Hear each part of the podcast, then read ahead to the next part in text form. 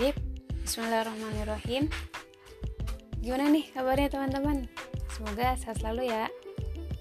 Nah, pembahasan kita kali ini uh, Saya akan membahas tentang Bagaimana investasi di reksadana dan saham syariah dalam tinjauan fikih muamalah Kira-kira apa ya?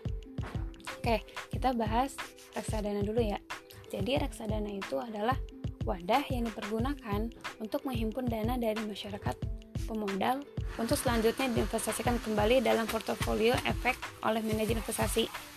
Jadi, reksadana syariah adalah reksadana yang beroperasi menurut ketentuan dan prinsip syariah Islam, baik dalam bentuk akad antara pemodal sebagai pemilik harta atau sohibul mal dengan manajer investasi sebagai wakil sohibul mal, maupun sebaliknya antara manajer investasi sebagai wakil sohibul mal dengan pengguna investasi.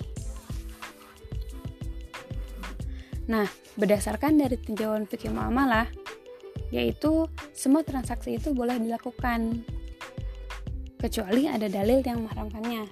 Nah, dan ini sesuai uh, dengan fatwa DNS MUI nomor 20 tahun 2001. Terus gimana dengan saham? Pada hakikatnya, saham syariah itu telah sesuai dengan prinsip syariah, yaitu kegiatan syirkah atau musyarakah. Dalam tinjauan fikih muamalah, ada beberapa nih yang harus diperhatikan dalam saham syariah. Yang pertama, tidak melakukan kegiatan usaha yang bertentangan dengan prinsip Islam dalam pasar modal yang meliputi satu perjudian dan permainan yang tergolong judi. Yang kedua, jasa keuangan ribawi seperti bank konvensional atau bunga dan jenis pembiayaan konvensional. Yang ketiga, jual beli resiko mengandung unsur ketidakpastian atau disebut goror. Dan maisir atau judi seperti asuransi konvensional. Yang keempat, memproduksi, mendistribusi, dan menyediakan apa sih yang diproduksi, yang didistribusi, yang menyediakan itu apa? Yaitu barang atau jasa haram seperti daging babi, minuman keras. Selanjutnya, barang atau jasa haram bukan karena zat, yaitu yang telah ditetapkan oleh DNS MUI. Dan yang terakhir, barang atau jasa yang merusak moral, seperti pornografi.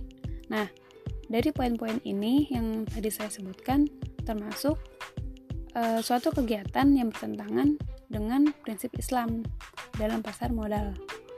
Nah, yang kedua yang harus diperhatikan dalam saham syariah yaitu tidak melakukan transaksi yang bertentangan dengan prinsip syariah di pasar modal. Yang ketiga, memenuhi rasio keuangan sebagai berikut. Jika total uang yang berbasis bunga dibandingkan dengan total aset tidak lebih dari 45%. Yang kedua, jika total pendapatan bunga dan pendapatan tidak halal lainnya dibandingkan dengan total pendapatan usaha dan pendapatan lain-lain itu tidak boleh dari 10%. Nah, dari sini eh, kita harus memperhatikan hal-hal eh, yang terdapat dalam saham syariah. Semoga ini bisa bermanfaat untuk teman-teman ya.